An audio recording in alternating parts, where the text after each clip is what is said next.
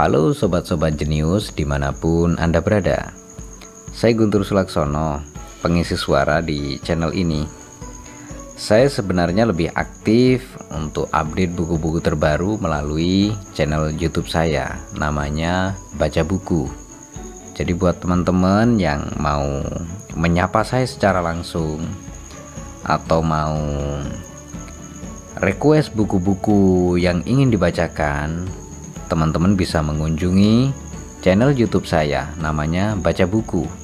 Teman-teman bisa mengajukan request buku-buku yang ingin dibacakan atau sekedar say hello. Jadi oke okay ya teman-teman semuanya, selamat mendengarkan program audiobook Indonesia.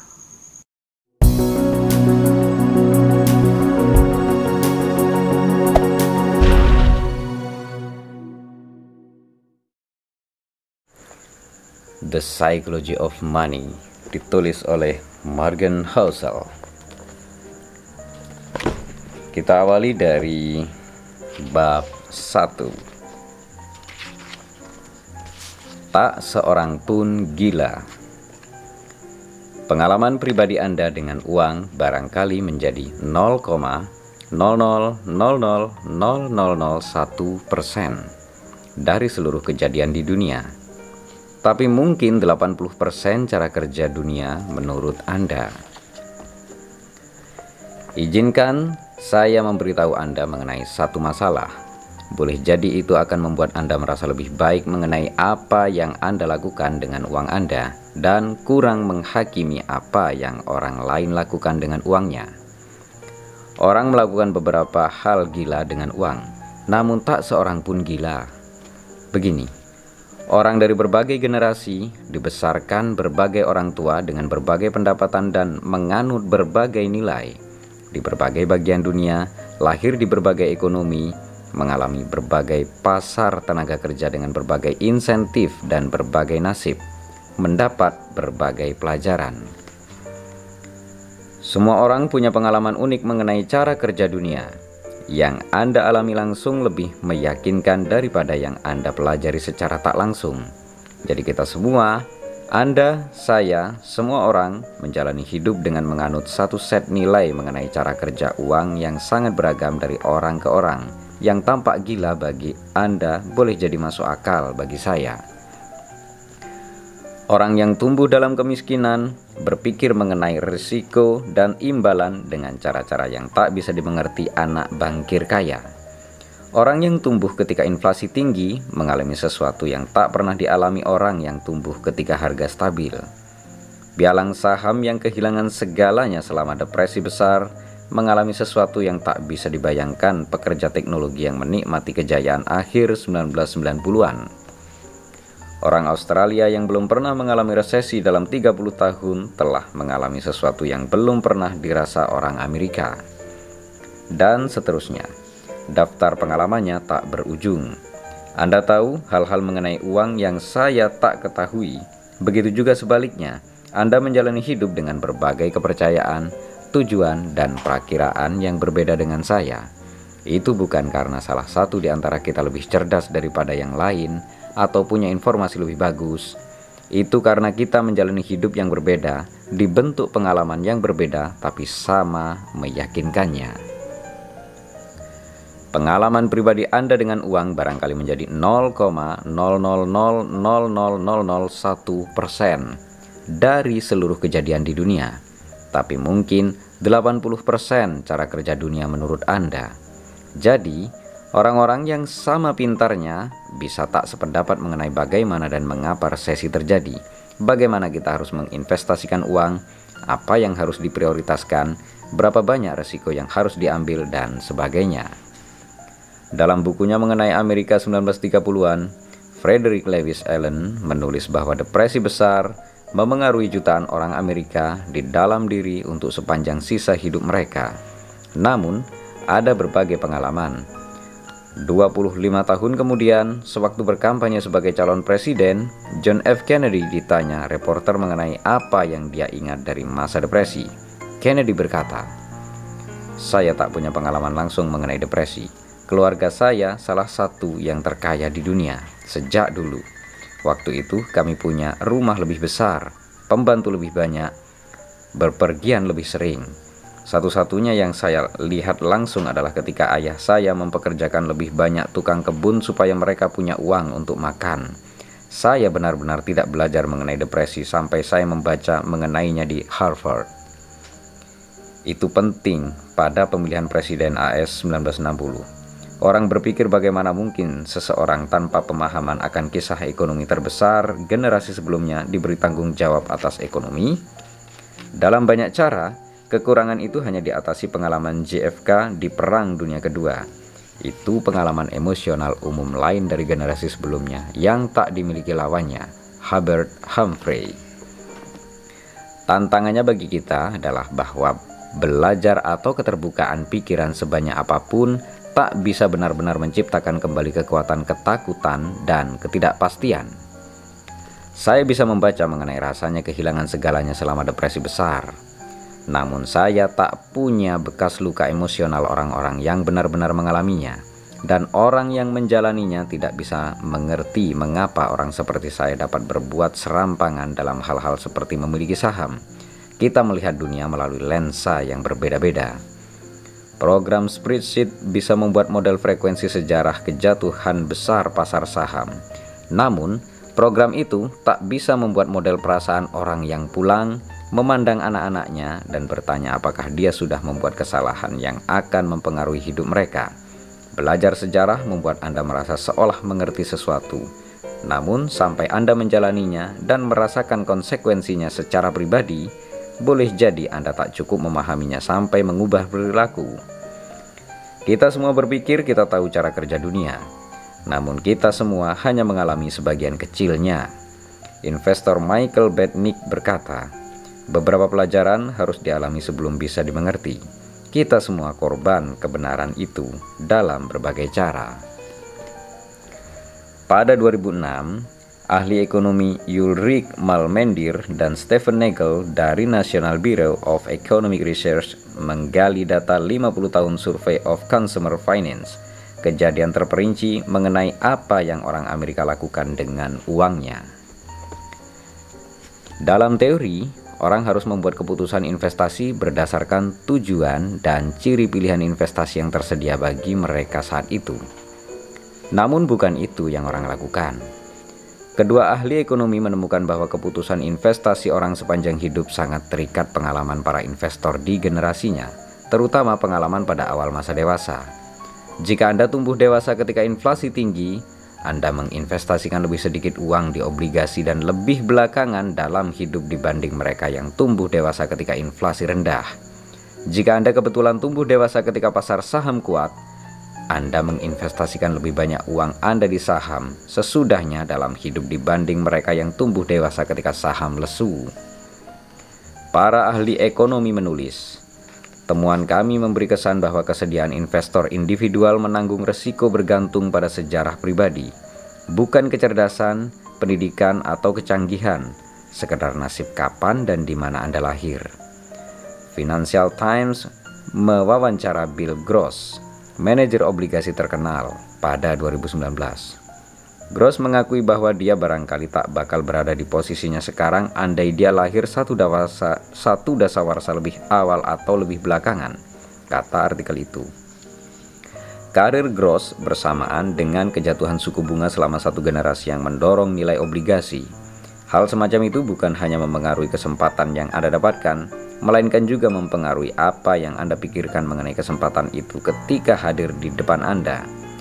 Gross menganggap obligasi sebagai mesin pembuat kekayaan. Bagi generasi ayahnya yang tumbuh bersama inflasi yang lebih tinggi, obligasi barangkali dipandang sebagai pembakar kekayaan. Perbedaan cara orang mengalami uang tidak kecil, bahkan di antara mereka yang barangkali Anda pikir cukup mirip. Misalnya saham. Jika Anda lahir pada 1970 di Amerika Serikat, S&P 500 naik hampir 10 kali lipat sesudah disesuaikan dengan inflasi. Sewaktu Anda berumur belasan dan 20-an, itu kenaikan luar biasa. Jika Anda lahir pada 1950, pasar tidak bergerak naik ataupun turun, disesuaikan dengan inflasi. Sewaktu Anda berumur belasan dan 20-an, Dua kelompok orang dipisahkan nasib berdasarkan tahun kelahiran, menjalani hidup dengan pandangan yang sangat berbeda mengenai cara kerja pasar saham atau inflasi. Jika Anda lahir di Amerika pada 1960-an, inflasi sewaktu Anda berumur belasan dan 20-an, tahun-tahun ketika Anda muda dan mudah terkesan sambil mengembangkan dasar pengetahuan mengenai cara kerja ekonomi, mendorong harga-harga naik sampai di atas tiga kali lipat. Itu banyak. Anda ingat orang antre beli bensin dan gaji tidak bernilai sebesar sebelumnya. Namun jika Anda lahir pada 1990-an di AS, inflasi sangat rendah sepanjang hidup Anda sehingga barangkali tak pernah terpikir oleh Anda. Tingkat pengangguran nasional AS pada November 2009 sekitar 10%. Namun tingkat pengangguran untuk laki-laki Afrika Amerika berumur 16 sampai 19 tanpa ijazah SMA adalah 49%. Bagi perempuan kulit putih berumur di atas 45 tahun dengan gelar sarjana, tingkat pengangguran adalah 4%. Pasar saham lokal di Jerman dan Jepang hancur selama Perang Dunia Kedua. Beberapa daerah dibom habis-habisan. Pada akhir perang, pertanian Jerman hanya memproduksi makanan yang menyediakan 1000 kalori per hari bagi warga. Bandingkan itu dengan AS, di mana indeks pasar saham melebihi berlipat ganda dari 1941 sampai akhir 1945 dan ekonominya berada di keadaan terkuat dalam hampir dua dasawarsa. Tak ada yang seharusnya memperkirakan anggota-anggota berbagai kelompok itu menjalani hidup dengan pikiran sama mengenai inflasi, atau pasar saham, atau tingkat pengangguran, atau uang secara umum. Tak ada yang seharusnya mengharap mereka menanggapi informasi finansial dengan cara yang sama. Tak ada yang seharusnya berasumsi mereka dipengaruhi insentif yang sama Tak ada yang seharusnya memperkirakan mereka mempercayai sumber nasihat yang sama. Tak ada yang seharusnya mengharap mereka bersepakat mengenai apa yang penting, apa yang layak, apa yang mungkin terjadi berikutnya, dan apa jalan terbaik ke depan. Pandangan mereka mengenai uang terbentuk di dunia yang berbeda-beda, dan ketika itu terjadi, pandangan mengenai uang yang dianggap konyol oleh sekelompok orang bisa masuk akal untuk kelompok lain. Beberapa tahun lalu, The New York Times membuat artikel mengenai kondisi kerja di pabrik elektronik besar Foxconn di Taiwan. Kondisinya sering buruk. Wajar kalau pembaca marah. Namun ada satu tanggapan menarik bagi artikel itu dari keponakan seorang pekerja Tiongkok yang menulis di bagian komentar. Bibi saya bekerja beberapa tahun di tempat orang Amerika sebut sweep shop. Pekerjaannya berat, jam kerja panjang, gaji kecil, kondisi kerja buruk anda sekalian tahu apa yang bibi saya lakukan sebelum bekerja di salah satu pabrik itu? Dia menjadi pelacur. Bekerja di sweet shop itu lebih baik dibanding kehidupannya yang dulu, menurut saya. Saya tahu bibi saya lebih memilih dieksploitasi bos kapitalis jahat demi beberapa dolar daripada tubuhnya dieksploitasi beberapa orang demi uang lebih sedikit lagi. Makanya saya kesal dengan pemikiran banyak orang Amerika kami tak punya kesempatan yang sama dengan orang Barat. Infrastruktur pemerintah kami beda, negaranya beda. Ya, bekerja di pabrik itu berat. Bisakah lebih baik? Ya, tapi hanya kalau dibandingkan dengan pekerjaan di Amerika. Saya tak tahu bagaimana harus menanggapinya. Sebagian diri saya ingin membantah keras, sebagian lain ingin memahami. Namun, komentar itu adalah contoh bagaimana pengalaman yang beda bisa mengarah ke pandangan sangat berbeda dalam topik yang menurut satu pihak seharusnya hitam putih. Setiap keputusan yang dibuat orang dengan uang dibenarkan dengan menggunakan informasi yang mereka punya pada saat itu. Yang, dimas yang dimasukkan ke model mental untuk mengenai cara kerja dunia. Orang bisa salah informasi, atau mendapat informasi tidak lengkap, atau tak jago matematika, dibujuk pemasaran busuk, tak tahu apa yang dilakukan, salah menilai konsekuensi tindakan, banyak sekali. Namun, semua keputusan keuangan yang dibuat itu masuk akal bagi mereka pada waktu dibuat dan cocok dengan semua yang harus dicocokkan. Mereka bercerita kepada diri sendiri mengenai apa yang mereka lakukan dan mengapa mereka melakukannya. Dan cerita itu dibentuk pengalaman unik mereka sendiri. Ambil contoh sederhana, tiket lotre. Orang Amerika menghabiskan lebih banyak uang untuk tiket lotre daripada gabungan film, permainan video, musik, acara olahraga, dan buku. Setiap yang beli tiket lotre, siapa yang beli tiket lotre? Sebagian besarnya orang miskin. Rumah tangga berpendapatan terendah di AS rata-rata menghabiskan 412 dolar per tahun untuk tiket lotre, empat kali jumlah pengeluaran yang sama di kelompok berpendapatan tertinggi. 40% orang Amerika tidak bisa menabung uang 400 dolar untuk dana darurat. Artinya, mereka yang membeli tiket lotre sampai 400 dolar biasanya adalah orang-orang yang berkata tidak bisa menabung uang 400 dolar untuk dana darurat. Mereka membuang jaring pengaman untuk sesuatu yang peluang untung besarnya satu per jutaan. Itu tampak gila bagi saya. Itu barangkali tampak gila bagi Anda juga. Namun, saya tidak berada di kelompok berpendapatan terendah. Anda juga mungkin tidak. Jadi, banyak di antara kita yang sukar menangkap secara intuitif penalaran bawah sadar para pembeli tiket lotre berpendapatan rendah. Namun, kalau kita coba memahaminya, bayangkan sesuatu seperti ini. Kami hidup dari gajian ke gajian dan tidak ada yang tersisa untuk ditabung. Prospek gaji jauh lebih tinggi tampak di luar jangkauan. Kami tidak bisa melancong kalau liburan. Tidak bisa beli mobil baru, tidak bisa ambil asuransi kesehatan, tidak bisa beli rumah di lingkungan aman. Kami tidak bisa membiayai anak kuliah tanpa berutang besar Sebagian besar hal yang sudah dipunyai atau bisa dipunyai, Anda yang baca buku keuangan, kami tidak punya. Beli tiket lotre adalah satu-satunya waktu dalam hidup kami ketika kami bisa memegang mimpi yang seolah nyata untuk mendapat barang-barang bagus yang Anda sudah punya dan anggap biasa saja. Kami membayar mimpi dan boleh jadi Anda tak mengerti karena sudah hidup dalam mimpi itu. Makanya kami membeli lebih banyak tiket lotre daripada Anda. Anda tak harus setuju dengan penalaran itu. Membeli tiket lotre ketika bangkrut itu masih gagasan buruk. Namun saya bisa agak mengerti mengapa tiket lotre masih laku. Dan gagasan itu apa yang Anda lakukan tampak gila, tapi saya agak mengerti mengapa Anda melakukannya. Mengungkap akar masalah keputusan finansial kita. Hanya sedikit orang membuat keputusan finansial murni dengan spreadsheet Keputusan finansial dibuat di meja makan atau di rapat perusahaan, tempat-tempat di mana sejarah pribadi, pandangan unik Anda mengenai dunia, ego, kebanggaan, pemasaran, insentif, insentif aneh bercampur menjadi narasi yang ampuh bagi Anda. Perkara lain yang penting dan membantu menjelaskan mengapa keputusan mengenai uang sangat sukar dan ada banyak sekali kekeliruan perilaku adalah dengan mengakui betapa barunya topik itu. Uang sudah ada sejak lama. Raja Alyatis dari Lydia, sekarang bagian Turki, dianggap sebagai pencipta uang resmi pertama pada 600 sebelum Masehi. Namun dasar modern keputusan mata uang, menabung dan investasi didasari konsep-konsep yang praktis masih sangat baru. Ambil contoh pensiun. Pada akhir 2018, ada 27 triliun dolar di rekening-rekening dana pensiun AS menjadikannya pendorong utama keputusan menabung dan investasi investor umum. Namun, keseluruhan konsep dana pensiun paling-paling baru berumur dua generasi. Sebelum Perang Dunia Kedua, sebagian besar orang Amerika bekerja sampai mati. Itu harapan dan realitas.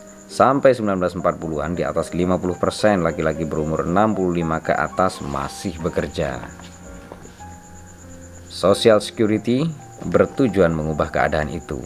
Namun tunjangan yang pertama kali diberikannya tidak ada miripnya dengan dana pensiun sungguhan.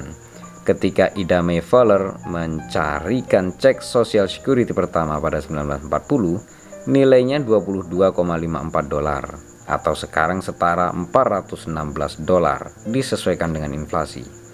Namun pada 1980-an, rata-rata cek Social Security untuk pensiunan melebihi 1000 dolar per bulan disesuaikan dengan inflasi. Lebih daripada seperempat orang Amerika di atas umur 65 digolongkan sebagai miskin oleh sensus Bureau pada akhir 1960-an. Ada kepercayaan yang tersebar luas perihal semua orang dulu punya dana pensiun swasta. Namun itu dilebih-lebihkan. Employee Benefit Research Institute menjelaskan, hanya seperempat dari semua orang berumur 65 atau lebih tua yang punya pendapatan pensiun pada 1975 Di antara minoritas yang beruntung itu, hanya 15% pendapatan rumah tangga berasal dari dana pensiun. The New York Times menulis pada 1955 mengenai keinginan yang makin besar tapi ketidakmampuan yang berlanjut untuk pensiun. Mengulangi satu perkataan lama, semua orang berbicara mengenai pensiun, tapi rupanya sedikit sekali yang melakukan sesuatu mengenainya. Baru pada 1980-an, marak gagasan bahwa semua orang berhak dan seharusnya mendapat masa pensiun yang nyaman. Dan cara untuk mendapat masa pensiun yang nyaman itu adalah harapan bahwa semua orang akan menabung dan menginvestasikan uang sendiri saya akan ulang pernyataan betapa barunya gagasan itu. 401k, sarana tabungan pensiun utama Amerika baru ada pada 1978. Roth IRA baru ada pada 1998. Kalau disamakan dengan orang, maka dia belum boleh minum minuman beralkohol. Seharusnya tak ada yang kaget kalau banyak di antara kita yang payah dalam menabung dan berinvestasi untuk masa pensiun. Kita tidak gila, kita semua hanya masih baru. Begitu juga dengan kuliah. Jumlah orang Amerika berumur di atas 25 dengan gelar sarjana naik dari di bawah 1 per 20 pada 1940 menjadi 1 per 4 pada 2015. Biaya kuliah rata-rata pada periode itu naik di atas 4 kali lipat, disesuaikan dengan inflasi. Sesuatu yang begitu besar dan begitu penting menerpa masyarakat begitu cepat, dan itu menjelaskan mengapa Misalnya banyak sekali orang membuat keputusan buruk dengan pinjaman uang kuliah mahasiswa selama 20 tahun terakhir. Belum ada akumulasi pengalaman selama puluhan tahun yang bisa dipelajari. Kita belajar sambil jalan. Begitu juga dengan dana indeks yang umurnya belum sampai 50 tahun dan dana lindung nilai yang baru mulai dalam 25 tahun belakangan.